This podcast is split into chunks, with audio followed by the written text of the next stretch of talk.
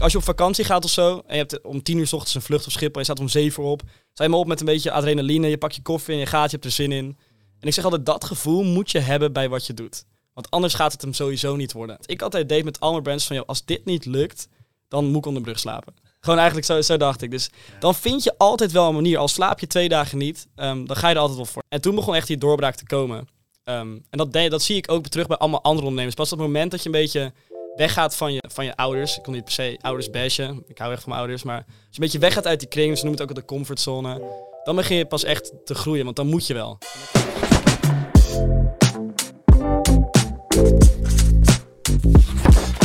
Welkom bij de 81ste aflevering van de Lotgenoten Podcast. De podcast voor ambitieuze ondernemers die op zoek zijn naar tips, tricks en insights. Mijn naam is Jaro, ik ben creatief ondernemer, marketeer en eh, host van de Lotgenoten Podcast. Achter mij, voor mij naast mij, zit Koen Stam, studiecoach, ondernemer en de co-host van de Lotgenoten Podcast. En zoals jullie kunnen zien zit er tegenover ons vandaag weer een gast. Sam, welkom. Als, zeg ik het goed, Sam Postema? Sam, Sam Postuma inderdaad. Kijk, mensen zeggen Sam of Sam Postuma. Sam. Sam Postuma. Kijk, oké, 20 jaar nice. oud. In één keer goed. 20 jaar oud. Eh, ik heb een beetje opgezocht wat je gedaan hebt. Volgens mij ben je begonnen ooit met de SMMB. Ja, Dus een social media marketing bureau. ja exact. Eh, na een training van Boyd volgens mij, of Ja. een advertentie gezien. Ik weet, Ja. mensen kennen hem waarschijnlijk wel van de YouTube Vast advertenties. wel. eh. Ik heb het heel Nederlandse gezicht wel een keer Eh, gezien. precies, Ja, ja. precies.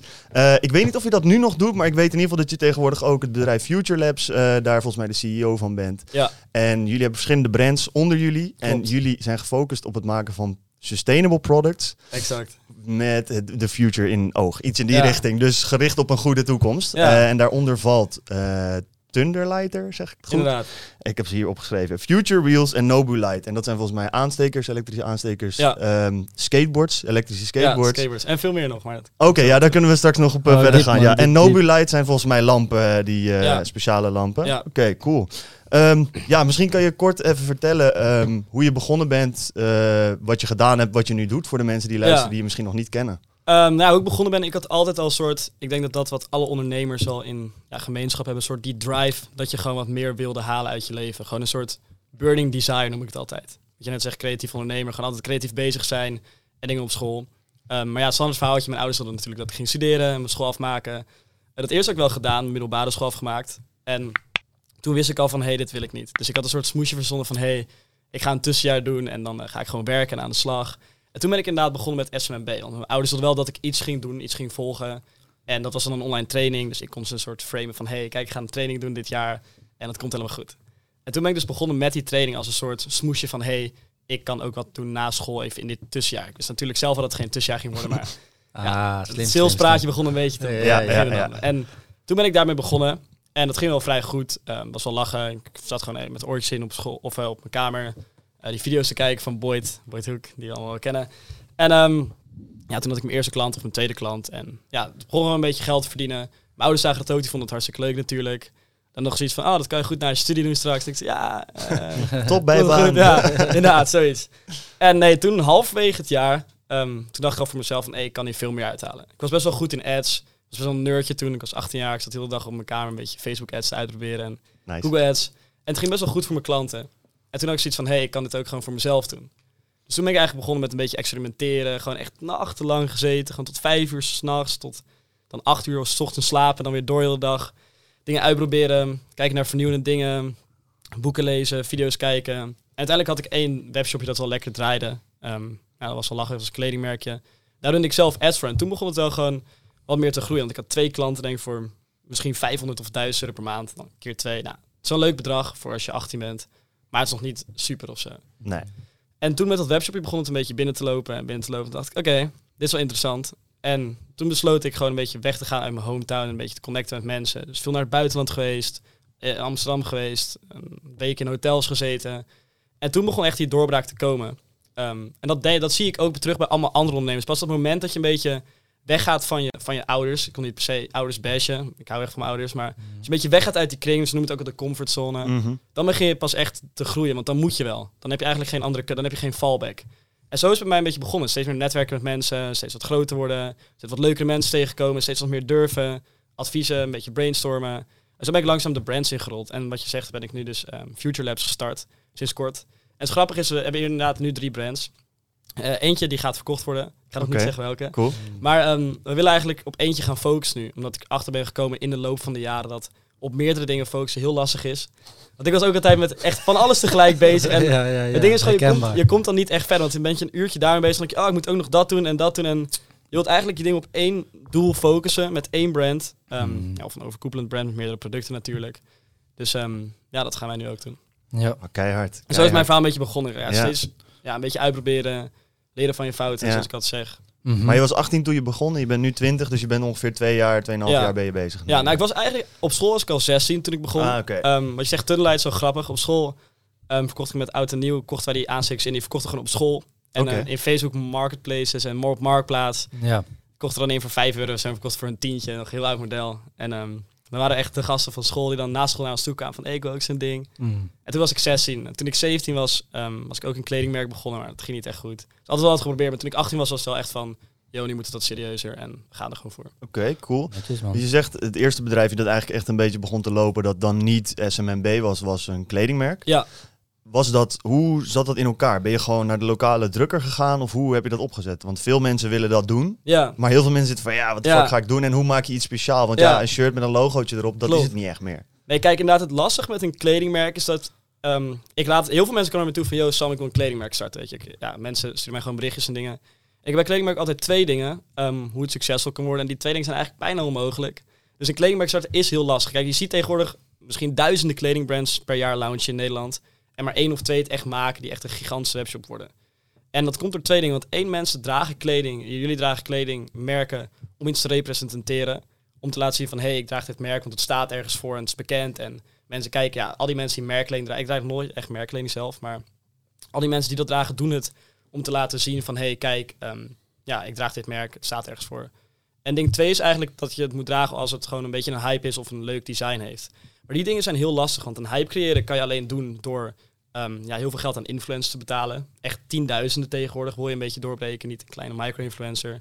Of een leuk design, daar heb je gewoon een, ja, een hele goede designer eigenlijk voor nodig. Want je gaat niet zomaar iets op AliExpress vinden of een gratis design vinden wat door gaat breken. Mhm. Dus ja, je hebt twee dingen nodig. Of je moet echt een gigantisch merk worden, maar dat, ja, dat gaat niet echt meer. Of je moet echt iets doorbrekends hebben, een hype. Ehm, wij verkochten van de zomer verkochten ook broeken met erop de teksten Stop looking at my dick. Ja. Ja, dat is wel viral gegaan toen op TikTok en zo. Dat Ja. liep toen wel even lekker, maar ja, liep ook maar voor heel kort. Heel trendgevoelig is ja, dat dan weer. zulke soort dingen die ja, werken ja. altijd wel. Maar heb je daar wel bijvoorbeeld kapitaal op gepakt? Ja, daar hebben we wel kapitaal op gepakt, Ja. maar heel Ja. eventjes. Ja. Maar dat is niet wat je wilt eigenlijk. Nee. Heel eventjes. Maar heb je dat, heb je dat dan weer gebruikt? ja, dat, dat, voor? dat hebben we wel gebruikt. Ja, ja. ja. En hoe doe je dat dan? Want, want veel mensen zullen dan denken, heb je dat dan gedropshipped? Of doe je dat met eh, print on demand? Of, of hoe steek je dat in elkaar? Of laat je het gewoon echt lokaal drukken en doe je het zo? Eh, ja, nee, wij hadden een drukker in Zeewolde zitten. Een hele goede vriend van mij toevallig ook. En daar hadden we gewoon mee gepartner-upt. En die hadden ons toegang tot onze store gegeven. En daarom ook, dat is wel het eh, jammer altijd als je lokaal gaat. De kwaliteit is sowieso veel beter, communicatie is top, eh, alle producten komen gewoon aan. Ehm, maar daardoor waren we wel gelimiteerd tot Nederland en België. Dus daarom konden we ook net niet zo heel ehm, Ja. uitgebreid gaan. Mhm. Maar zo hebben we dat toen gedaan. Maar kleding is heel lastig. Ik ehm, heb nu een nieuwe strategie om gewoon echt een goed product of een brand te vinden. Ehm nou is de kleding niet echt bij. Het is gewoon heel lastig. En ja, voordat je echt ontploft, moet je wel heel erg je best doen. En sowieso heel veel geld er tegenaan gooien. Ja. En Ja. het runnen van een kledingmerk hoor ik dan veel eh, om me heen. Eh, de gast die mij tatoeëert toevallig ook, die is goed bevriend met eh, Ren Masons Ja, van eh Mason Garments. Die zegt ook, het runnen van een kledingbedrijf is zo fucking moeilijk. Je Ja. moet anderhalf, twee jaar vooruit werken. Je cashflow is heel strak. Als er één seizoen fout gaat, kan je hele cashflow fucked Klopt. up gaan. Dus het is al moeilijk om een gat te vinden. ja. En als je er dan in zit, is het ook nog moeilijk om het goed te blijven runnen. Dus het is Ja. wel grappig dat dat soort van de go-to, het bedrijf Ja. waarvan mensen Maar het dat is vet. man. Het is, het is wel, het is wel leuk. Zo creatief. vet is het Ja. om je Ja. eigen pet eh, en kleding te maken. Ja, Ja. Snap je? Heb Ja. ik ook met een paar petten gedaan. Daar doe ik verder niks mee. Ja. Maar ik vond het super tof om gewoon te zeggen... Oké, nu heb ik gewoon mijn eigen pet met eigen dingen die ik erop heb gezet, man. Ja. Eens, Maar jij, jij zei net dat je een nieuwe strategie hebt ja, voor research. ja. Wil je daar wat van delen met onze Eh, luisteraars? ja, sure. Wat, wat mensen altijd denken is dat research het best werkt door te kijken wat de winning products zijn. En dan leer, leer je al die dropship cursussen, weet je wel. Kijk welke het hardst gaat of gebruik deze tool, weet ik veel. Goedproduct.nl en daar staan allemaal rankings op.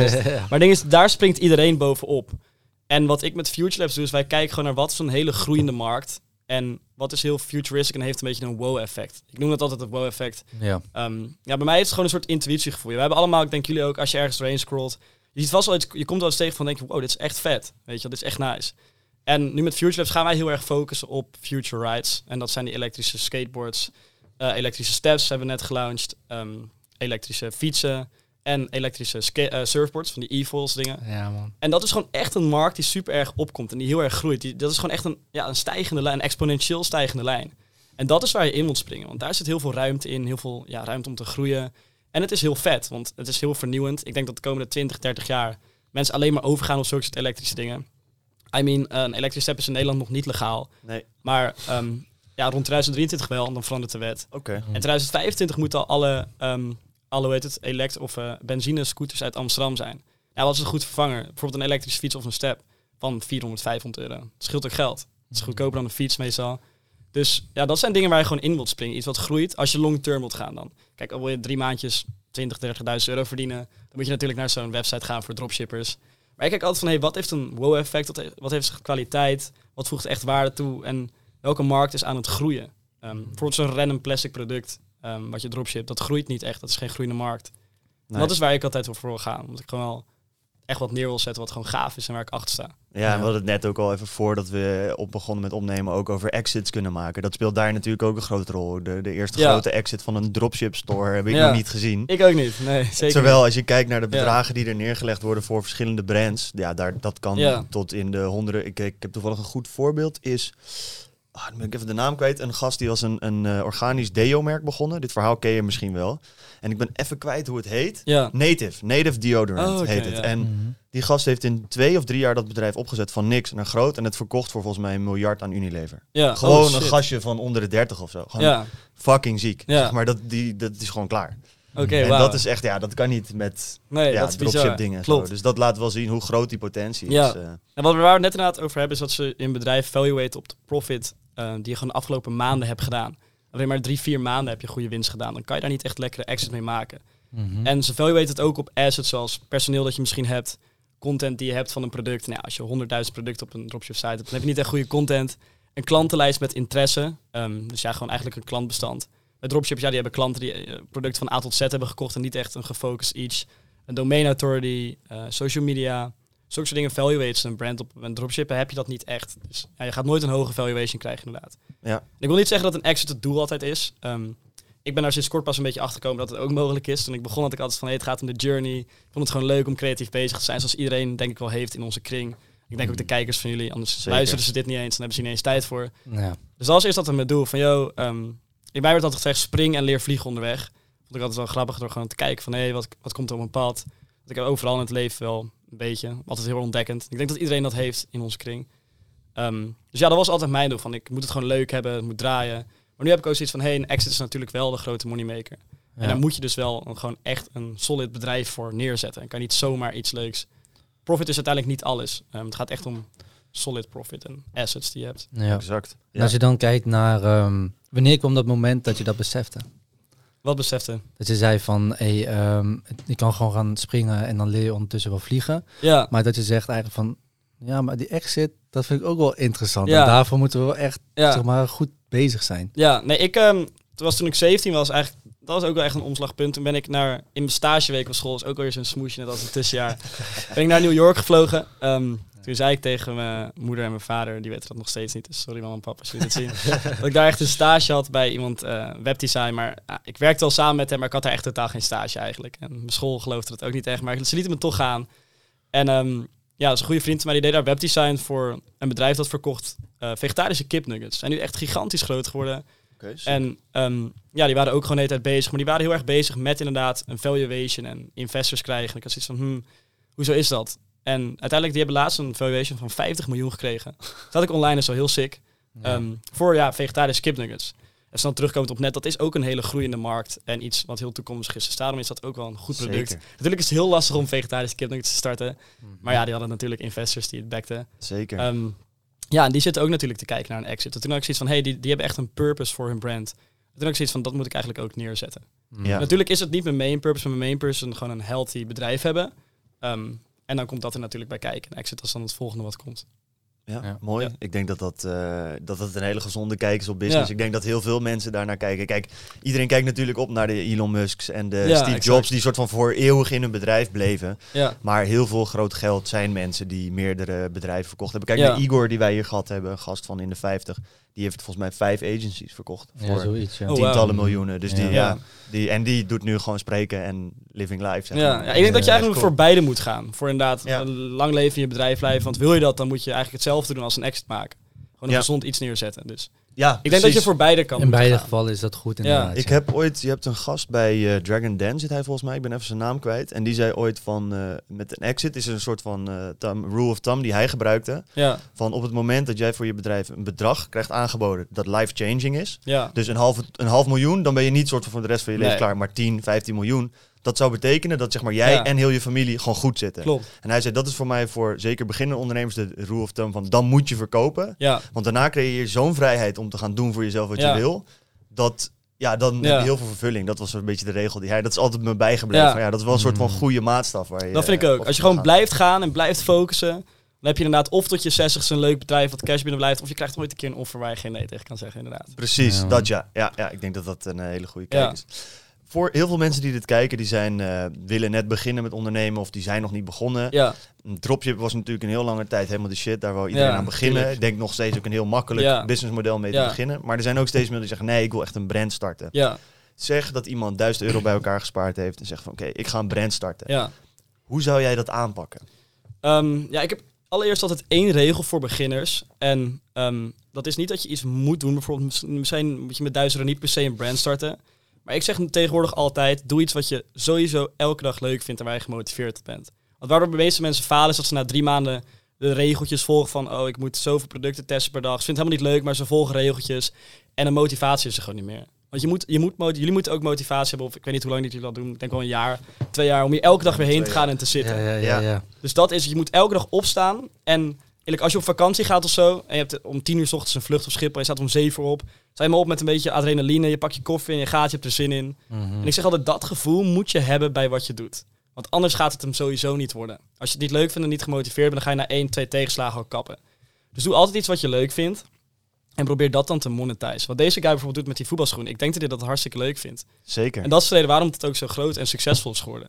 Als iemand hem had verteld van, joh, je moet schoenen gaan verkopen, terwijl die gozer eh, reizen en weet ik veel video's op reis maken heel leuk vindt, dan had hij na drie paar verkocht, dan had hij een beetje niet zo, niet zo vaak op Insta gezeten als dat hij nu doet, Mhm. niet zoveel effort ingestoken, dan was het nooit zo succesvol geworden. Dus ik denk altijd, stel je hebt 1000 euro en je wilt ergens mee beginnen, kijk eerst wat je fucking leuk vindt en is dat een brand bouwen? Vind je dat super gaaf en heb je een product waarvan je al twee jaar denkt van, ah, dit is leuk, ik eh, kijk hier elke dag video's over, doe dat dan en ga, erom, ga, er, ga er gewoon voor, maak wat van. Voor elk product is een markt, weet je. Voor elk brand. Er is altijd wel iemand aan wie je het kan verkopen. Anders bestaat het product niet. Of het moet echt een flop zijn. Ehm, maar ja, ik, ik raad dat gewoon aan. Kijk wat je echt leuk vindt. En ga daar dan voor. Met die 1000 euro investeren, ja, het is altijd een beetje het standaard verhaal. Koop producten in. ehm, maak coole video. Investeer in content, zeg ik altijd heel erg veel. Dat is veel belangrijker dan investeren in, in heel veel producten testen. Als je gewoon één fucking dikke video hebt met super gave foto's, Mhm. Ehm, dan spreekt dat meteen al aan. Dus ik zeg altijd, investeer het meest in content. Dat is eigenlijk het belangrijkste bij brands. Als je kijkt naar Apple bijvoorbeeld, die investeren heel veel in die gave 3D-renders en die keynotes, weet je. Je wilt het gewoon kopen omdat het er zo mooi uitziet. Ja, dat is een echte brand Ja. omheen. De Ja. omhulsel, als het ware. Ja. Wij doen dat ook. Wij maken overal eerst gewoon 3D-renders van met zo'n artiest. Eh, we maken hele vette video's in een studio. En dan staat het al zo erg dat mensen eigenlijk al willen kopen hoe gaaf het er gewoon uitziet. Ja. Dus ehm, Ja. dat is eigenlijk mijn tip nummer 1. Investeer gewoon in content, koop een paar producten in en ga het dan gewoon pushen. Want dat pushen, als je het leuk vindt, moet geen probleem zijn. Dus nooit DM je iedereen gratis. Van hey, wil je ons product kopen voor de inkoopprijs en het uitproberen. En dan Ja. groei je vanzelf. Maar Langzaam. het begint ja. allemaal bij die motivatie. Precies. netjes. Ja, goeie. ja. Als je kijkt dan, hè, van, ehm, je zegt investeer in content. Ja, Ehm, en je hebt dan 1000 euro. Ehm, en je zegt net die 3D-foto's en alles, Ja. video's. Maar waar zou je dan in investeren? Want ik ben er gewoon niet zo bekend mee. Ik Ja. heb nooit echt in de e-com gezeten. ja, Ik denk, ja, investeren in content. Dan ga ik gewoon iets op uh, Upwork zoeken. En dan zoek ik naar iemand Ja. die foto's kan maken. Is dat goed genoeg? Nou ja, bijvoorbeeld, ehm, het ligt ook natuurlijk een beetje aan je product. En je budget natuurlijk. Voor 1000 euro zou je inderdaad een hele vette videograaf kunnen hiren die misschien 500 euro kost. Een hele vette video in elkaar flansen en edit. Ehm, ja, het ligt een beetje aan je budget, maar je moet gewoon kijken van wat wil ik, wat past goed bij dit product. En ja, misschien foto's, video's. Renders zijn vaak wel wat duurder. Mhm. Ehm, maar ja, bijvoorbeeld inderdaad op Upwork zoeken of gewoon in Nederland op LinkedIn een freelance fotograaf of videograaf. Die ook bij je brand past natuurlijk. Uh, fotograaf heeft een eigen stijl. Dan begin je daarmee.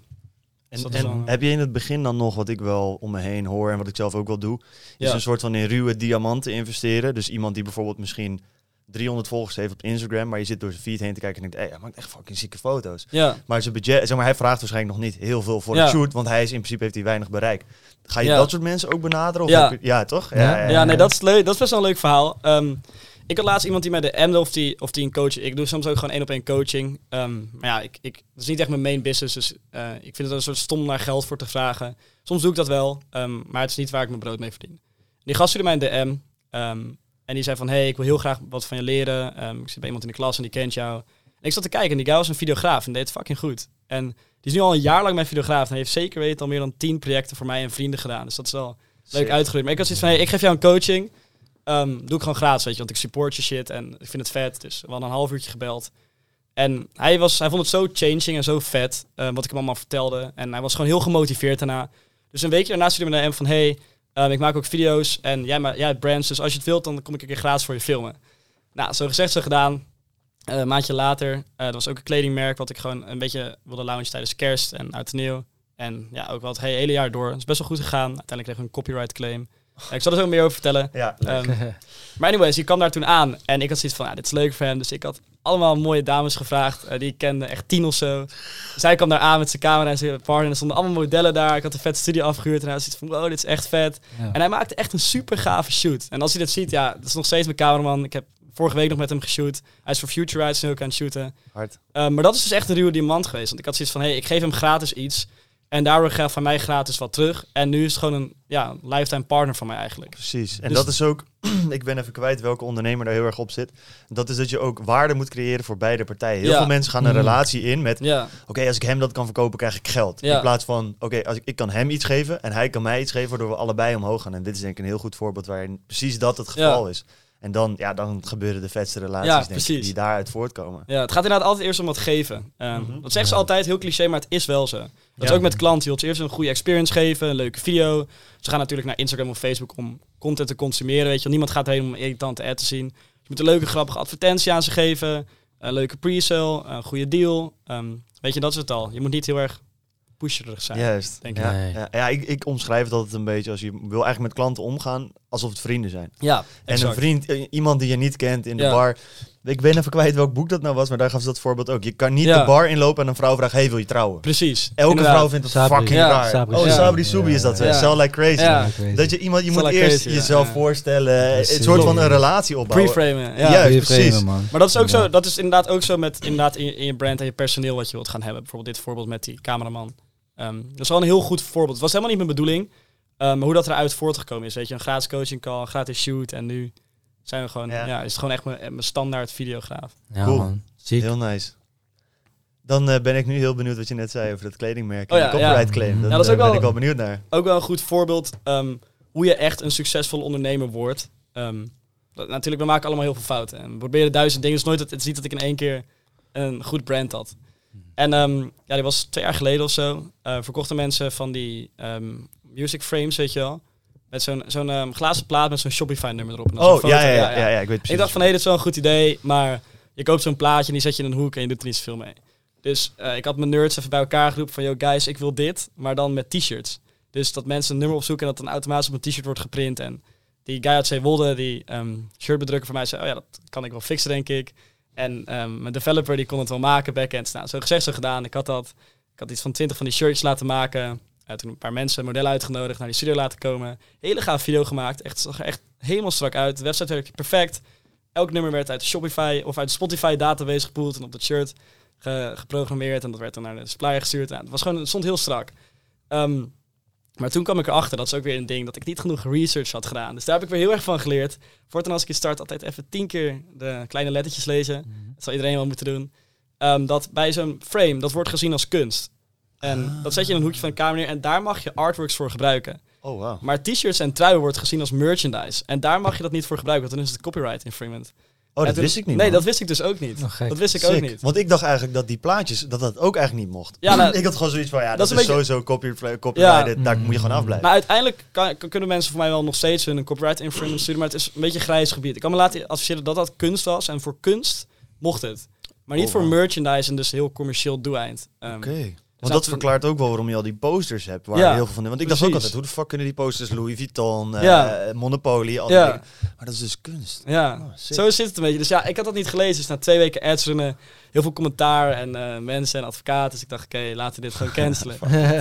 Heb ik dus wel heel veel in geïnvesteerd en tijd en zo'n shoot gedaan. Ja, Ehm, maar ja, dan moet je gewoon nooit opgeven. nee. En, Nee. Want heb je wel eens een soort van verlies gepakt op een moment dat je daarna het soort van dacht van oké, nu back to the drawing board. Want ik kan me nu voorstellen, je hebt misschien nu budget om een brand te proberen, werkt het niet. Nou ja, prima, weet Ja. je wel, verlies pakken en we gaan gewoon verder. Wat ik gehad heb is, ik had een brand en ik begon net genoeg te verdienen om er fulltime van te kunnen leven, maar ik was net klaar met studeren. Dus Ja, ik moest of genoeg daarmee verdienen, zodat ik dit fulltime kon blijven doen. En als Ja. dat niet zou lukken, ja, dan moest ik toch ergens een baan gaan zoeken, want Ja. anders wordt het lastig. ja, En toen ging het eigenlijk ineens helemaal bergafwaarts. Ja. Dus Facebook begon vervelend te doen, alles Ja. stort een beetje in.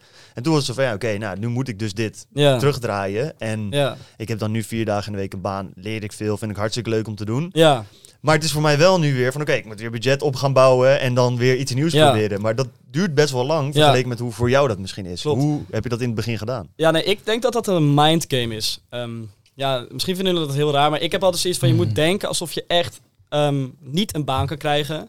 Want dan ga je toch al psychologisch een fallback hebben. En dan ga je niet meer maximaal uit jezelf halen. Wij mensen van de oertijd zijn altijd survival gericht. En gewoon op altijd door blijven gaan, altijd een oplossing zoeken. Elke avond moest er eten en gejaagd worden. En dat zit nog steeds in ons systeem.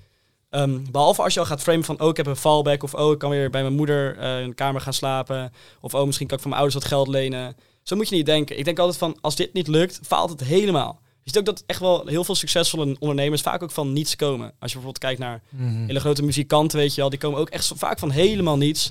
Of echt succesvolle ondernemers die gewoon ook van helemaal niets, gewoon niks anders hadden meer dan dat. Ik kan nu even niet op een voorbeeld komen. maar- Jay-Z. Jay-Z, Jimmy- ik wilde Jimmy- Jay- ik wilde grootste, Jay-Z ja, zeggen. Jay-Z, ja, maar- een van de grootste Ja. ondernemers, Kanye West volgens mij. Ja. Nou. Kanye West valt mee, maar Dr. Jay-Z Dre, echt heel erg. Ja. Jimmy. Iovine. En eigenlijk al- Eminem, al, mijn 50 vrienden, Cent. al mijn vrienden hebben ook wel iets met gescheiden ouders of een vader nooit gezien of eh, het gewoon slecht thuis. Ehm, nou, ik heb niet heel slecht thuis, maar ik heb altijd iets van als je denkt in je hoofd, of al heb je het, al denk je niet eens, maar heb je subconscious gewoon dat je een fallback hebt, ga je er al niet meer maximaal voor. Dus wat ik altijd deed met al mijn brands van, joh, als dit niet lukt, dan moet ik onder de brug slapen. gewoon eigenlijk zo, zo dacht ik. Dus Ja. dan vind je altijd wel een manier. Al slaap je twee dagen niet, ehm, dan ga je er altijd wel voor. Natuurlijk, dat, song- dat songshirt heette het. Eh, dat ging dan niet helemaal goed eh, door copyright. Maar ja, ik had zoiets van, oké, ehm, dat gooi ik weg. En dat was wel zo lang geleden, dus ik had niet echt het budget om meteen wat nieuws te starten. Maar ik had zoiets van, oké, we moeten nu gewoon wat nieuws starten, want we gaan echt niet studeren. Ik, ik heb met mezelf de afspraak dat ik gewoon, gewoon tot mijn dood niet ga mooi. studeren of ga, of ga werken voor Want dat is voor jou dus een grens geweest. Van Ja. oké, dat ga Ja. ik niet doen. Klopt, Ja. inderdaad. Ja. Je moet gewoon nooit, nooit in je hoofd een fallback hebben van... Ach, al werkt het niet, dan zoek ik wel een baan, dan verdien ik 2000 euro. Want dan ga je automatisch al minder hard werken. Heb je van, oh, ja, het gaat weer slecht vandaag.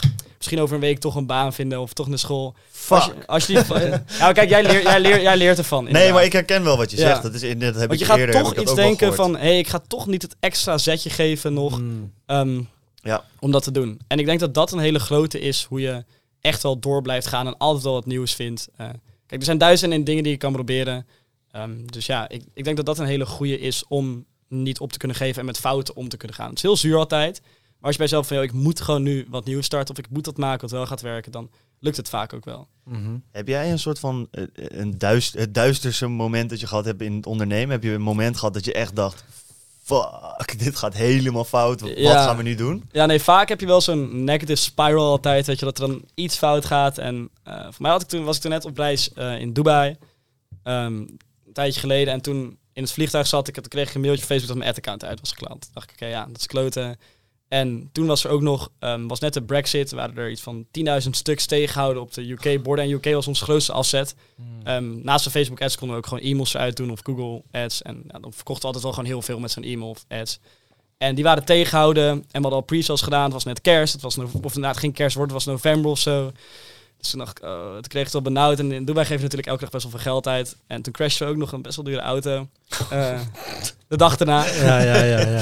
Of twee dagen Wat daarna. zeggen of ze? Death comes in trees. Ja, Dat is altijd- ja, je zat met je hoofd ergens anders, ja, denk ik. inderdaad. Ja, toen zat ik er wel ja. echt helemaal doorheen. Toen dacht ik van, ah. Jij- Iedereen heeft wel eens zulke momenten. Ja. Maar, Maar hoe heb je het... Kijk, dat is het belangrijkste. Kijk, ja, het kan iedereen overkomen. ja. Maar hoe snel herpak jij jezelf? Ja, nou, ik heb toen, ehm, we hebben toen echt, echt wel heel veel geld verloren. Toen, want we hebben alle ehm, UK-orders moeten cancelen, moeten refunden. eh, de mensen die al pre-orders hadden gedaan. Uiteindelijk na heel veel heen en weer gemail is, het er toch doorheen gekomen na een maand of zo. Ehm, Facebook is uiteindelijk weer geopend via een rap. Eh, uiteindelijk komen dingen altijd wel weer goed. En anders had ik al echt wel een andere manier gevonden. Had ik naar een andere afzetmarkt gegaan. Ehm, Mhm. weet ik niet, had ik bijvoorbeeld die 10.000 stuks naar Duitsland laten opsturen of zo. En ja, Ja. daar weer ads gerund. Ja. Precies, dus was je wel, Ja. dan zou je niet tegen jezelf zeggen, ah, het werkt niet, we stoppen hiermee, we gaan wat anders proberen. Ja. Maar meer van, oké, er zijn nog opties, laten we die opties ook Er uitproberen. zijn altijd wel oplossingen ergens voor. Ja. Tegenwoordig kan je eigenlijk ja, alles wel oplossen. En als we dan een beetje, klein beetje teruggaan van, oké, doe jij een soort van mm, echt, eh, want we hadden het al een beetje over research, hè? Ja. Maar kijk je ook heel erg naar marktresearch, van is hier een markt voor en gaat het verkopen? Ja. Nou ja, ik doe wel, ehm, wel gewoon niet eh, aan het begin mijn research. Ja, aan het begin kijk ik even wat spreekt mij aan. En bijvoorbeeld met die aanstekers, zoals ik altijd kijk naar, oké, in welke landen van Europa wordt het meest gerookt? Eh, ja. Welke mensen hebben de meeste koopkracht? Want je betaalt natuurlijk, eh, niet iedereen betaalt 20 euro voor een elektrische aansteker. Nou zit er wel een economisch voordeel aan, want je, hij gaat vijf jaar mee. Dus dan bespaar je weer geld op bijvoorbeeld 20 plastic aanstekers die je had moeten kopen. En uiteindelijk Ja. bespaar je erop. Maar anyways, welk land heeft de meeste koopkracht en welke roken het meest? En zo kom ik meestal tot een top 5 lijstje uit. Uh, test clear is altijd in één land. Daar gaan mensen altijd heel vaak de fout in door het meteen door heel Europa of meteen heel veel landen te testen. Ehm, maar dan spreek ik niet heel persoonlijk aan. Ik schat het met een brand Think Global, maar Act Local. Dus dat betekent dat je altijd in, in de juiste taal... eh, je wilt natuurlijk wel groots denken, maar je moet mensen gewoon heel persoonlijk aanspreken. Ik denk dat jullie alle twee ook liever iets kopen van een Nederlandse ad dan van een Engelse ad. Dat je ziet dat in een heel ander land gebased is. Ehm, Mhm. Dus ja, zo doen eigenlijk. Ik doe al mijn research ehm, daarna, maar ik ga Ja. eerst op zoek naar een product. Nee, maar dat is nice, dat is Dus- nice. Ja. Concreet voor mezelf, want ik ben momenteel bezig om weer een soort van brand op te zetten die Ja. ik eh, over een paar weken wil lanceren. Ja. Ik zit nu heel erg inderdaad internationaal te denken. Dus Ja. gewoon gelijk zeg maar Ja. een soort van naar alle e-packet countries gewoon ads Ja. runnen, kijken Ja. wat werkt en dan. Maar jij zegt beter bijvoorbeeld Frankrijk met een Franse website Ja, op die manier benaderen. Dat is hoe jij dat ja aanpakt. het, het kan alle twee. Mhm. Ehm, maar je gaat de meeste profits behalen en sowieso het meeste omzet en de meeste afzet als je het op die manier doet. Natuurlijk kan het zijn dat je het dan in Frankrijk test, maar misschien Zweden juist het beste land had geweest. En daar kom je achter door het in één keer internationaal te runnen. Maar als je het internationaal runt en mensen uit Zweden die zien het in het Engels en die kunnen die taal niet zo goed en denken laat maar, dan heb je daar al, dan ja, heb je die, die kans gemist zeg maar. Ja. Want als je daar in het Zweeds had gerund met een Zweedse website, dan had iedereen gezegd, ah, gaaf, oké, dit koop ik wel. Ehm, dus ja, de meeste profits en de beste afzet haal je uit die manier. En het kan gewoon met één website en subdomains. Ik gebruik altijd de. of nl. Ja. en dan blablabla.co. Ja. Eh, dus het kan alle twee. Oké. Ja. En Cool. ehm, je doet nog eh, veel met advertenties en met op je website. Hoe doe je het met eh, copywriting? Eh, copywriting doe ik altijd, of deed ik altijd zelf. Ehm, Ja. Omdat, ja, natuurlijk, jij kent je brand het best. Jij bent het meest gemotiveerd over je product. Eh, want anders had je het niet gekozen. Dus jij schrijft meest, zelf met de meeste passie erover. En je weet wat mensen willen. Want ik heb zelf ook mijn research gedaan. En ehm, ja, dus ik deed dat eerst altijd zelf. Maar nu heb ik gewoon een team die wel snapt wat ik bedoel. Ja, en ik pak het altijd heel persoonlijk aan. Mhm. Ehm, en wat wat- is persoonlijk dan? Ja, als je bijvoorbeeld in, eh, wat wij een beetje weer terug op die research deden met die aanstekers. eh, dat doen we nu niet meer trouwens, maar dat deden we wel. Of heel de, heel de aanstekers doen we niet meer. Ehm, maar bijvoorbeeld toen we in Amerika gingen launchen, toen had ik ook weer een lijstje gemaakt van welke states wordt het meest gerookt. Ehm, nou, dat was dan Kentucky, Texas natuurlijk en Californië. eh, gingen we daar ads runnen. En dan per, per, per state runnen we gewoon een aparte ad met... Dit is het nummer 1 aansteker in Californië. eh Ja, alle mensen, ja, oh, ja, wow, ja. Californië, daar woon ik. Eh laten we eens checken. Ja. En zo, dat deed ik altijd in ads en op de website deed ik het gewoon zelf met gewoon mijn ja, geloof in het product en wat ik En, vond. want dan ben ik heel benieuwd van, want op een gegeven moment doe je dat vanaf het begin. Want misschien zeg je van oké, eh, jij wil een kledingmerk beginnen. Ja, Run ads op, je komt uit Haarlem. Hey Haarlem, wij zijn het vetste Ja. design van jullie. Of Ja. zeg je, pak heel Nederland, kijk breed van waar de CTR het hoogste is, de reacties het meest. En ga daarna inzoomen. ja. Nou, ik denk dat Nederland is wel wat te klein, want in eh, per state, eh, in een state wonen natuurlijk gewoon 1 miljoen mensen plus in Amerika. Maar ehm, ja, ik denk niet dat je meteen hoeft te inzoomen, nee. Maar het gaat gewoon, in Nederland moet je het dan een beetje persoonlijk houden en een beetje speels. En jij weet Ja. natuurlijk wat mensen in Nederland leuk vinden. Ehm, Oké. Dus ja, probeer copyright gewoon zo leuk mogelijk te houden, want mensen gaan natuurlijk, zoals ik net al zei, naar hun app om wat leuks te zien. Ja. Ja. Zullen daar niet een hele irritante app met allemaal uitroeptekens en hoofdletters en heel veel emojis en... Dat, Ja, vind ik nog wel leuk, want jij zit het dus, dat is echt jouw creativiteit.